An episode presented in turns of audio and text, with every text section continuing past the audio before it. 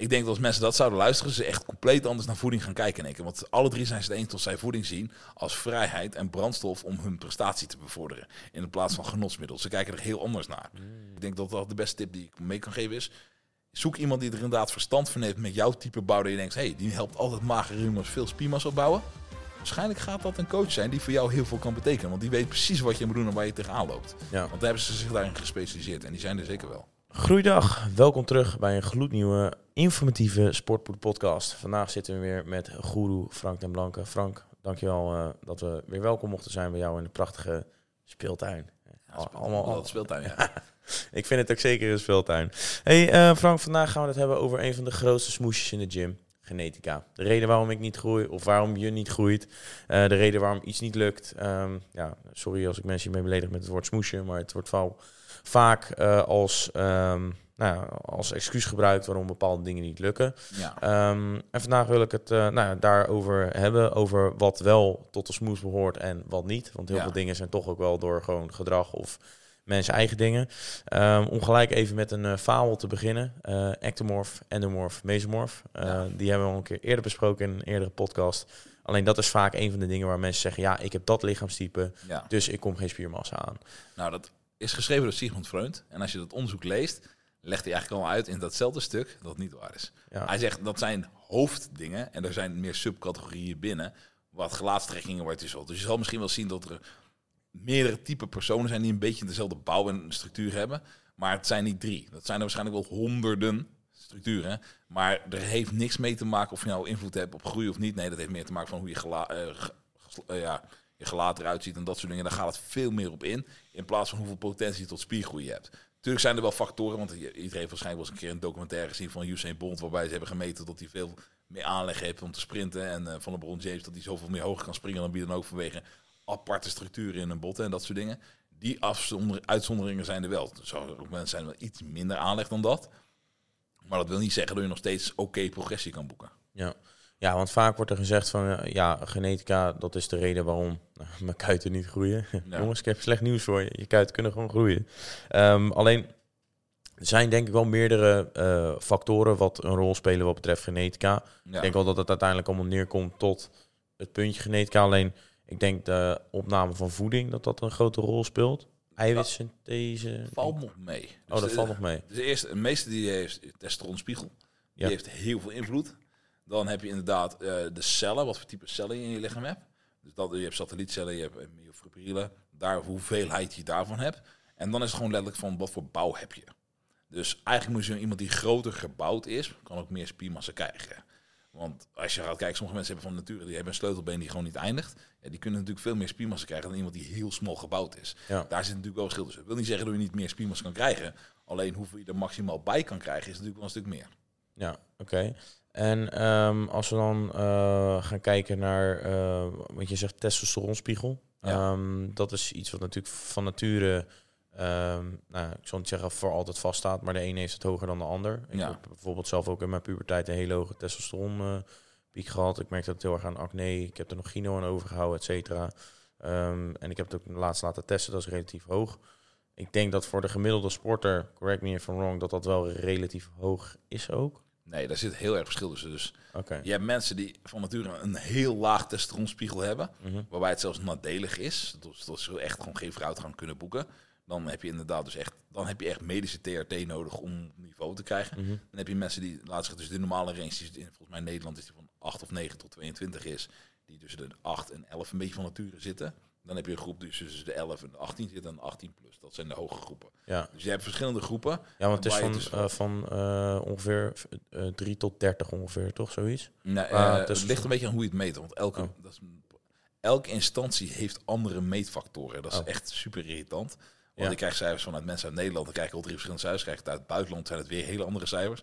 Dus je bent altijd maar gewoon kijken van... Oké, welke range moet ik nou precies hebben? Ja, oké. Ja. Ja. ik had laatst gemeten, ik kwam uit op 25 op 30. Dus Ja. dat was, eh, nou, hij zei dat ik bij het 95 per stiel zat. Dus dan geloof ik dat dat wel zou kloppen. Maar, dat, eh, ehm, maar is het zo dat je, eh, wa- wa- want de testosteronspiegel is dus heel erg van belang binnen jouw genetica. Ja, Wat jij net zei over die mensen die een heel laag testosteronspiegel hebben, dat percentage is relatief klein, denk ik, toch? Voor Dat de, is wel- dat je daardoor geen het verschilt per land waar mensen vandaan komen heel erg. Dus Dus eigenlijk waar je woont op de wereld, dat maakt wel echt heel veel verschil.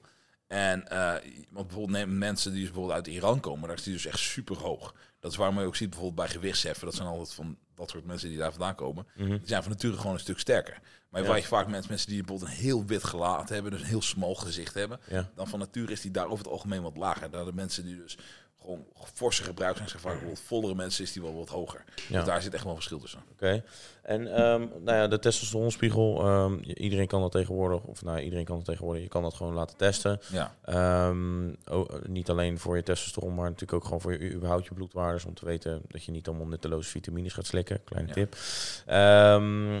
Wa- wat, eh, wa- wa- wat is het gevolg van zo'n testosteronspiegel? Zeg maar, waar heeft het allemaal invloed op? energie, eh, dat is denk ik de meest eh, belangrijke. Nou, je seksleven, de kwaliteit daarvan heeft natuurlijk invloed. Eh, je kracht, je spiergroei, dat zijn denk ik wel de voornaamste waar je het gaat merken. Ja, oké.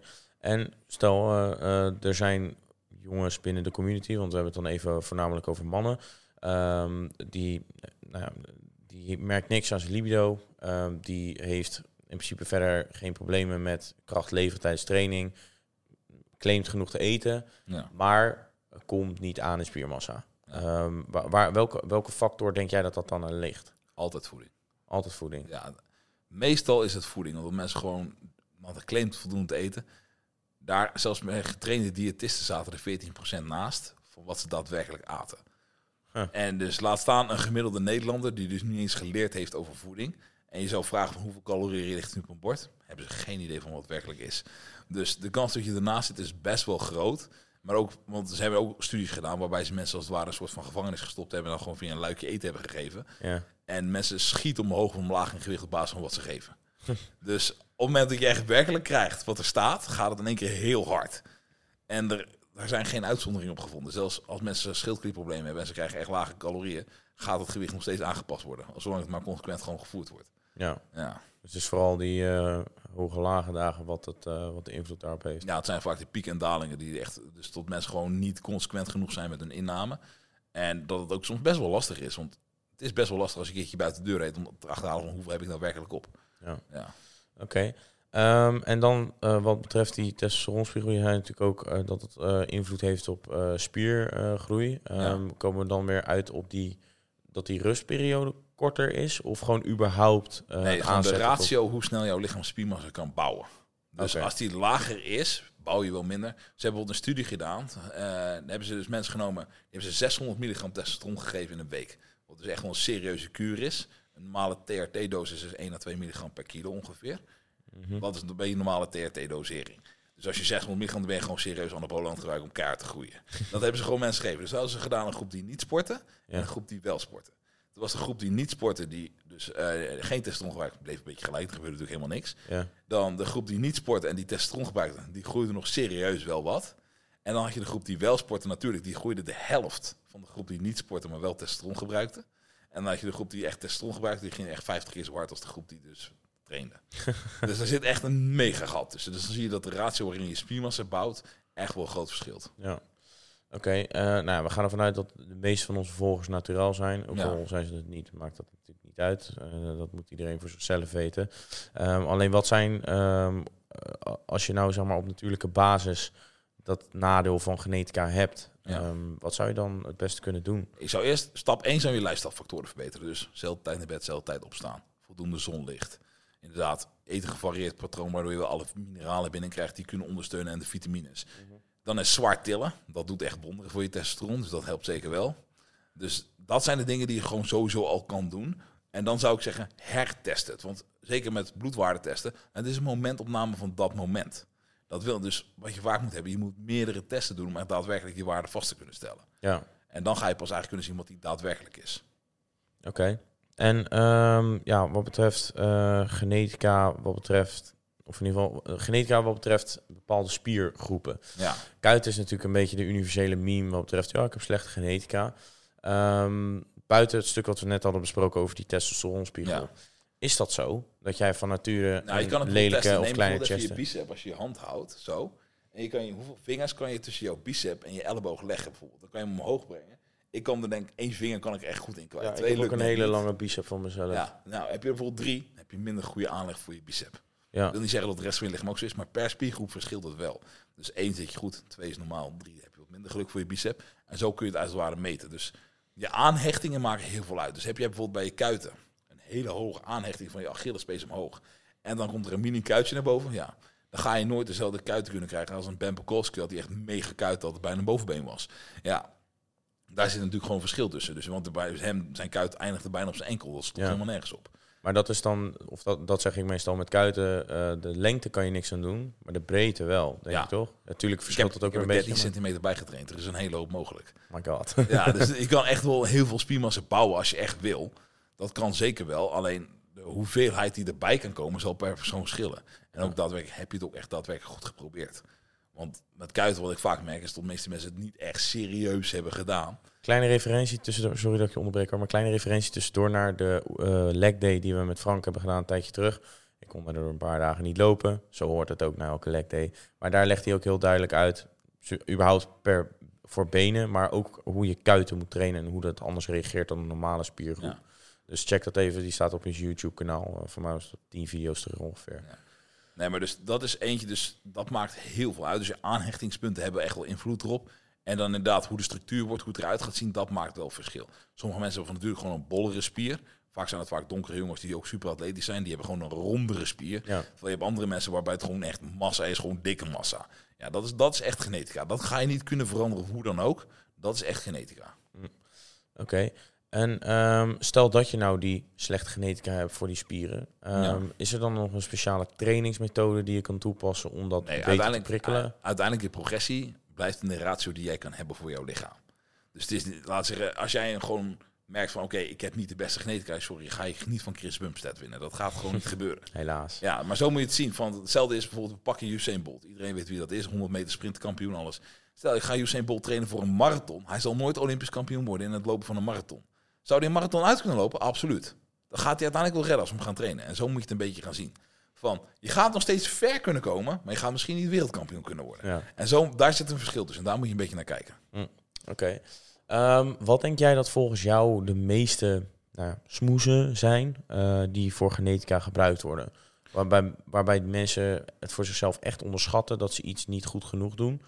Eh, wat ze dan onder het kopje genetica afschuiven. Want ik denk dat dat Ja. misschien voor sommige mensen die dit luisteren of die groeimaat kennen, iedereen kent hem of haar wel, die dat dan als smoes gebruikt van ja nee, het lukt toch niet, want genetica.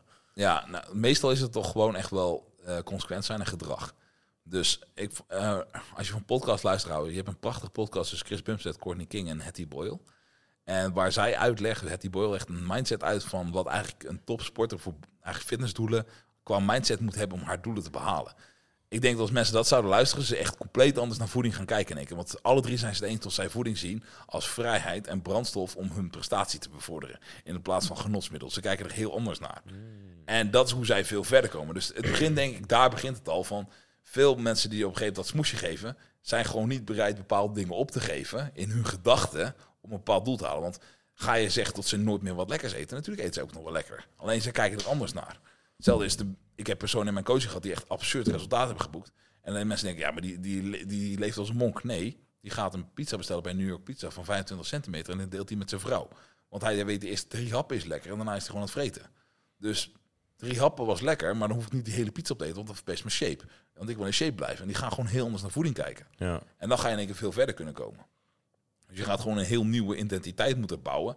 En sommige mensen hebben gewoon moeite met een oude identiteit loslaten om die nieuwe identiteit aan te nemen, om daar daadwerkelijk te komen. ja. Dus het is ook een beetje eh, mindset aanpassen. Ja, persoonlijke ontwikkeling, daar zit het 100%. Het is gewoon van je niet alleen fysiek ontwikkelen om verder te komen, maar je moet je ook mentaal ontwikkelen. Want hetzelfde is, je moet hard trainen om uiteindelijk meer spiermassa te krijgen. Als je jezelf niet uit je comfortzone durft te brengen, ga je uiteindelijk die ontwikkeling niet krijgen. Dus het is ook letterlijk gewoon jezelf durven, durven pushen. Dus als je een set hebt, ja, het gaat een keertje branden en het gaat een keertje pijn doen. Er zit een verschil tussen echt pijn en verzuring. Daar zit een verschil tussen. Het voelt allebei niet comfortabel, maar je moet er wel doorheen pushen. Ja. Ja. Oké, en eh, wat zouden er dan nog eventueel andere fouten zijn die jij vaak ziet? Of eventueel waar, waar mensen zich achter kunnen schaden dat het onder genetica Nou, valt? één ding wat mensen wel kunnen doen is van mensen zeggen, oh, ik ben bij mijn naturele eh, spierpotentie. Ik heb de max al bereikt. Die word ik ook wel eens regelmatig. Je hebt gewoon een rekenmachine. Dat heeft volgens mij een natural, muscular indicator of zoiets heet het. Maar je kan gewoon letterlijk uitrekenen wat je natuurlijke spierpotentie is. Een rekensommetje. Dan moet je volgens mij je leeftijd, je lengte en dan polsomvang. Een paar maten moet je opmeten van wat het is. En dan rekent hij uit van wat, hoeveel je maximaal kan worden. Ik heb mezelf echt wel de screenshot aan uh, red geven. Ik kwam op 126 kilo uit. Want uh, ja, als ik schoenen wil kopen, ik heb maat 48 handen. Pas de meeste handschoenen pas ik niet eens. Ik moet de grote dingen pakken. Als je mijn dumbbells pakt, ga je echt schrikken hoe groot die dumbbells zijn. Dat, zijn is echt niet grappig. Ik krijg gewoon spontaan uh, spierpijn in mijn chest hoe groot Ja. de grip is. Ja, en dus daar zit, daar zit mijn genetische aanleg in dat ik van nature groter kan worden. Daar zit het in. Heb ik de beste aanleg ter wereld? Absoluut niet. Maar het helpt absoluut voor sommige dingen wel mee. Terwijl ben je van nature kleiner gebouwd, heb je gewoon mini-handjes, kleine voeten, dat soort dingen. Ja, dan ga je niet 100 plus kilo kunnen worden. Dat gaat niet gebeuren. Dat wil niet zeggen dat je geen topshape kan krijgen, want dat is gewoon anders. Hm. Dus daar zit denk ik ook eentje in, dat mensen gewoon kunnen zien van hoeveel kunnen ze nou daadwerkelijk nog aankomen. Want dan ga je ook wel anders denken. Want als je denkt, ik ben er al, of oh, ik kan eigenlijk nog 15 kilo erbij krijgen aan spiermassa, wat absurd veel is, kan je voorlopig nog even doorgroeien. Ja, en dan even een kritische vraag. Denk je dat zo'n calculator klopt? Of is dat meer gewoon een indicatie? Ik denk dat het een goede indicatie geeft. En ik denk ook wel 100, want ze hebben wel wat onderzoek gedaan met eh, natural elite eh, bodybuilders. Er zijn er een paar die echt heel dichtbij zijn. Er zijn er ook een paar die het verbeterd hebben. Die dus er net echt minuscuul boven zijn gekomen. Maar zitten niet eens heel ver naast. Ah. Dus ik denk dat het wel interessant is voor mensen om te kiezen waar zou ik eventueel kunnen komen. Hou er wel rekening mee, je bent echt 15, 20 jaar bezig om daar in de buurt te komen. Ja, precies. Dus het duurt wel even voordat je er bent. Het is niet van, oh, ik doe vijf jaar trainen en dan ben ik er. Dat gaat niet gebeuren. Hou er rekening mee. Het duurt echt jaren. En je moet jaren in jaar uit consequent zijn om daar te komen. Maar het kan wel. Oké. ehm, en em, zijn er dan nog andere onderdelen waarvan je zegt van ja, dit zijn vaak uh, smoezen, noem ik het maar, of excuses, eh, wat onder dat onderdeel genetica valt? Uh, We hebben dan eh, hebben we de mindset gehad. Eh, we hebben het dan net over eh, wat is je natuurlijke potentie. ja, Zou dan nog. mindset, ja. eh, ja ik denk dat we dan toch ook weer een beetje terugkomen bij intensiteit. Intensiteit is er inderdaad eentje bepaalde voedingsgewoontes dat je van jongs af aan hebt aangeleerd. Dat maakt denk ik ook uit van hoe jouw ouders jou opvoeden. De meeste Nederlanders volgens mij, standaard dieet is super hoog in koolhydraten en eiwitten. Wordt eigenlijk niet over nagedacht door de meeste ouders. Ja. Dus ja, zou je dat vanaf dag één al beter gedaan hebben, zou je waarschijnlijk al verder gekomen zijn. Dus dat is iets, ja, dat heb je niet heel veel invloed meer op, maar dat heeft wel invloed uiteindelijk op je topresultaat. Want zou je ouders hebben die je gewoon vanaf jongs af aan al gezegd, hé, hey, je moet twee gram eiwit eten per kilo. Ja, geloof ik wel dat je verder was gekomen toen je begon met trainen dan achteraf misschien. Ja. Dus dat. En inderdaad, intensiteit van trainen, inderdaad, hoeveel rust je neemt, van hoe je slaapgewoontes zijn. Stressmanagement. Je hebt mensen die van nature echt zo'n stuiterbal zijn en dus overal, en ook een drama queen zijn die overal altijd problemen hebben. En je hebt andere mensen die heel rustig zijn. Want een van de dingen die ik altijd geleerd ook heb en wat me ook opvalt, is als je top bodybuilders ontmoet, dat zijn net kleine reuzen, maar die echt een heel klein hartje hebben. Super lief zijn, maar ook overal in slaap kunnen vallen. Dat is echt niet normaal. Dat is gewoon in plekken dat je denkt, het is hier zo luidruchtig gek, vallen ze gewoon in slaap. en dat is wel een teken van je hebt een wijze herstelcapaciteit. Dus dat zijn dingen die natuurlijk ook wel uitmaken. Van inderdaad, hoe goed kun je slapen? Bijvoorbeeld, ik zie dan mijn vrouw Paula, ja, die tikt zo 10, 11 uur per nacht weg. Dat ik denk, hoe krijg je het voor elkaar? Dat zou ik nooit redden. Maar ja, dat helpt natuurlijk wel met bepaalde doelen behalen. Ja. Voordat we doorgaan met deze aflevering wil ik graag onze partner voor vandaag bedanken. Dat is namelijk Body Fit. Body Fit heeft ervoor gezorgd dat we deze content gratis voor jullie kunnen aanbieden. En Body Fit zorgt er namelijk ook voor dat supplement voor iedereen betaalbaar is. Want zij hebben vaak kortingen tot maar liefst 70%. En het voordeel is ook nog eens, als je voor 12 uur bestelt, heb je het morgen ook nog eens in huis. Zoals ik al zei, heeft Body Fit soms kortingen tot 70%. Wil je daar nou in de gaten houden? Check dan de Sportpoeder app en zet je notificaties aan, zodat wij jou op de hoogte kunnen stellen wanneer er dus korting tot 70% is. Dank richting Body Fit voor het mede mogelijk maken van deze aflevering en voor het mogelijk maken van het aanbieden van deze gratis content. En ik zou zeggen, luister lekker verder en geniet verder van de aflevering. Oké. W- welke onderdelen zeg jij van, oké, dit is een van de meeste eh, punten wat dan inderdaad onder het smoesje genetica valt, wat dan verbeterd zou kunnen worden? Dus je zegt net zelf ook al slaap. Nou, ik denk dat we het daar vaak eentje. genoeg ook over hebben gehad.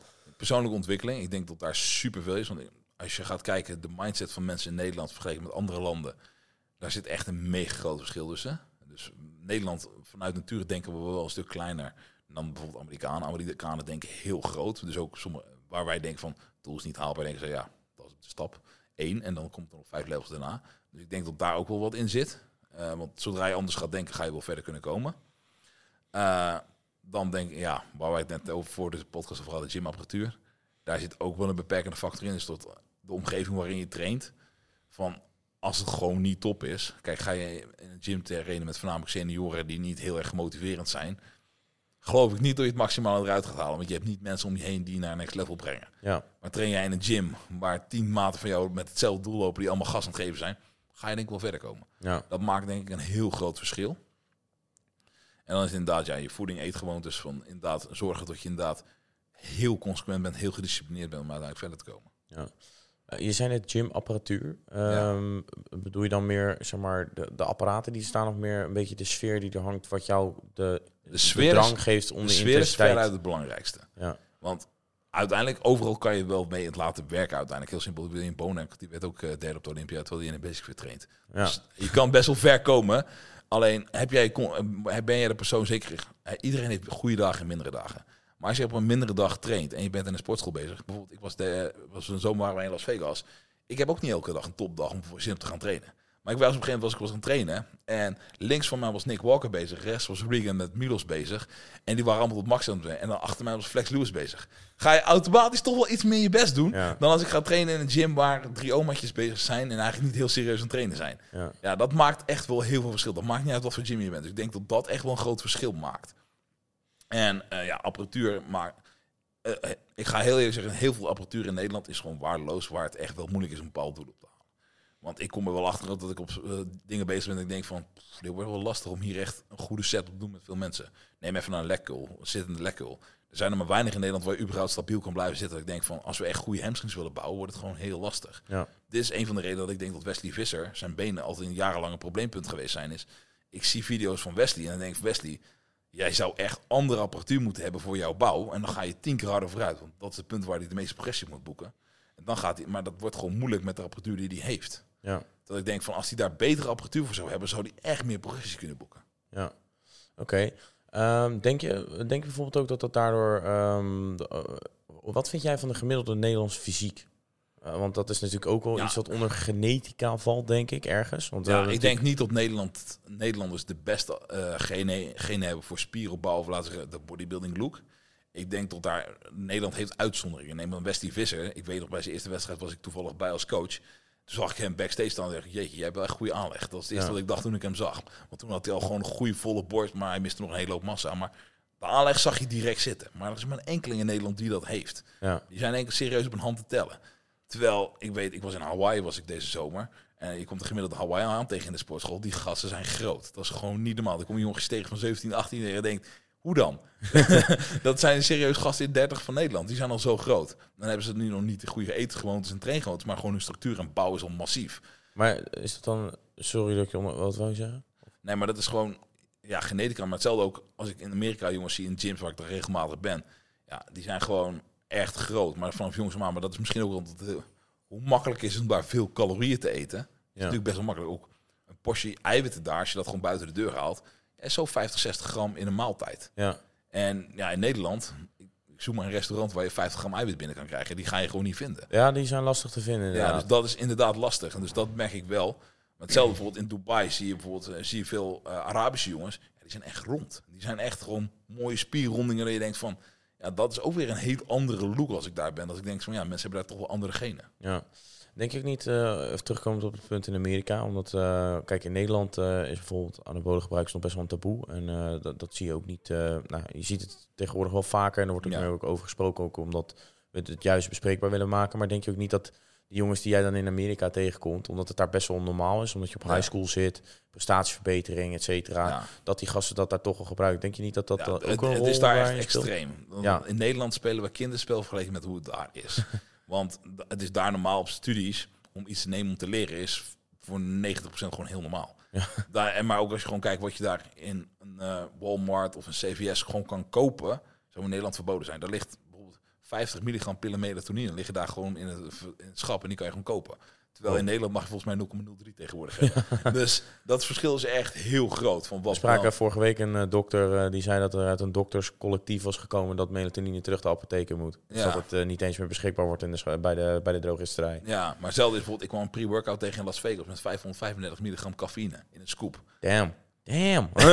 wow. Dat ik denk, als je daar twee scoops van neemt, dat is gewoon niet normaal. Maar dat ligt daar gewoon in de schap. Dat ik dat las en ik echt dacht van, dat kan toch niet? Maar daar, voor mij mag daar ook nog steeds DMA en die pre-workout Ja, dus je hebt wel echt sterke middelen Ja, waar liggen dat je denkt. Maar ook Ja. gewoon, ze hebben fritines waar dan wel een sleuteltje voor zit. Dus, maar daar liggen dingen in dat gewoon Als je daar je pre-workout moet halen, dat zijn echt sterke dingen. Dat je denkt, oké, dat is wel echt extreem. Dus daar merk je wel echt een heel groot verschil in. Maar ook bijvoorbeeld Johimbe, wat in Nederland verboden is boven bepaalde... heb je daar gewoon liggen. Terwijl, ja, ik nog steeds niet snap waar het in Nederland verboden is. Maar het is een topmiddel voor sommige dingen namelijk. En dat ligt daar gewoon in fritines. En dan kan je allemaal varianten verkopen. En je denkt, Ja. ja. maakt het wel makkelijker om bepaalde doelen te behalen. Ja, want ik denk ook toch wel weer dat... Dan komen we toch weer bij het stukje genetica.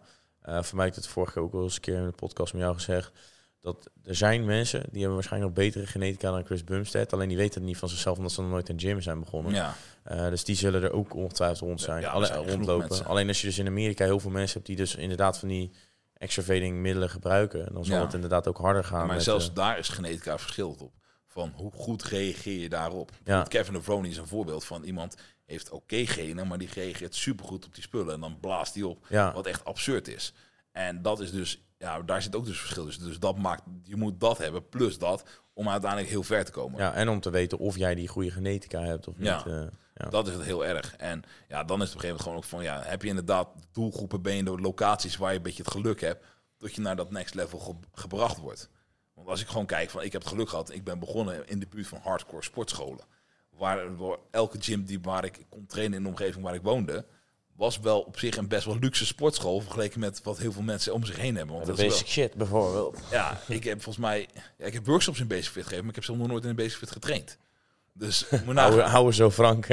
Ja, daar ben ik gewoon nog nooit geweest. Dus dat heb ik helemaal nooit gehad. Dus ik heb die hele, maar ook die problemen dat mensen aangeven van, ik wil wel een led pull-down doen, maar er staan drie mensen voor mij in de wachtrij voordat ik een led pull-down ja, doen. Dat hoor ik regelmatig tegenwoordig. Ik denk van, ik heb dat nog nooit meegemaakt, maar bij mij was het gewoon, gewoon normaal dat je gewoon ronddraaide Ja, en dat je gewoon tussendoor mocht. Nou ja, dat is al. eh, Er is iets heel moois aan de gang. Er zijn steeds meer mensen bezig met fitness. Jij zal natuurlijk ook merken, je coaching Ja. groeit. En wij zien het ook dat die markt of markt, dat aantal mensen groeit.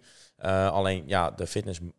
eh, eh, sub, of niet supplement, maar de fitness ehm, Gyms worden gewoon gyms, markt, die groeit helaas niet zo snel mee als het aantal mensen wat Nee, naar de sportschool Ze gaat. moeten wat meer panden bouwen voor gyms. Ja, eigenlijk wel inderdaad. Dus Grotere panden, dan... ja, de Den Blanke Gym in Nederland. Kan niet wachten tot het die uitkomt. Dat, dat je gewoon 20 van die Prime Rack hebt staan. Dat zou leuk zijn. Ja, ik zou het graag doen. Alleen het moet wel even één, het moet goed bereikbaar zijn. Ik moet een behoorlijk parkeerterrein hebben. Want dat gaat natuurlijk wel belangrijk worden. En hij moet echt wel groot zijn. Dus ik wil niet een eh 300 vierkante meter hebben. dat Nee, eh 80% van onze volgers wel eens een keertje komt kijken daar met een dagpassie. eh, dan dat, ga ik eh, wel ah, ik heb wel eens erover nagedacht om dat soort dingen te doen. Ik denk nu lukt het nog niet, omdat ik nu nog te veel moet reizen. Als dat minder wordt, dan misschien in de toekomst nog een keertje dat we zoiets gaan bouwen. En dan wordt hij wel echt heel luxe, maar dan wordt hij ook echt heel groot. Dat ik denk van, oké, Gold Gym in, in, in Nieuwegein is misschien een van de grootste. Ik denk dat hij wel drie keer zo groot wordt als dat. Ja. Dat zou heel vet zijn. Dus ik ben bij Alpha Land geweest van Christian Guzman en, eh, in Houston. Ja, toen had ik wel eens van, ja, jij snapt hem. Ja, Ja, ik wil eigenlijk ooit ook nog wel eens een keer voor eh, gewoon een, eh, een sportpoeder gym tour doen in Amerika. Gewoon om die Ja, gyms daar te bezoeken. Dat is echt, Pure Muscle and Fitness in Toronto, zit in Hamilton, vlak daarnaast. Die is nog groter, dat is echt niet normaal. Dus dat, zijn, dat zijn gyms dat je daar komt dan en je denkt van, ja. Hetzelfde, zou- ik ben met een vriend van mij ben ik in Abu Dhabi bij een Oxygen Gym geweest. Oh ja. Daar heb je gewoon een etage per spiergroep. Ja, maar gewoon neem Gold Gym. Ja. Dat is één etage borstapparatuur. Dan heb je één etage quadapparatuur, één hamstring, eh, hamstring, één etage billen. En zo gaat hij helemaal omhoog. Dat is gewoon echt niet normaal. Bizar. Ja, dat je denkt van... Oké, ik, ik, weet, ik weet nog toen ik kwam en er stonden serieus tien zijkant schouderapparaten naar elkaar, naast elkaar die ik nog nooit van mijn leven gezien had. En ik ben echt in veel gyms geweest. En ik, welk merk is dit überhaupt? En ik wist niet eens dat er tien variaties waren van deze oefening. En dan ben je letterlijk gewoon bezig met mijn training en je gewoon overload krijgt van... Weet eigenlijk niet welke ik nu moet gaan doen, want er zijn zoveel keuzes. Ja. Oh, vet.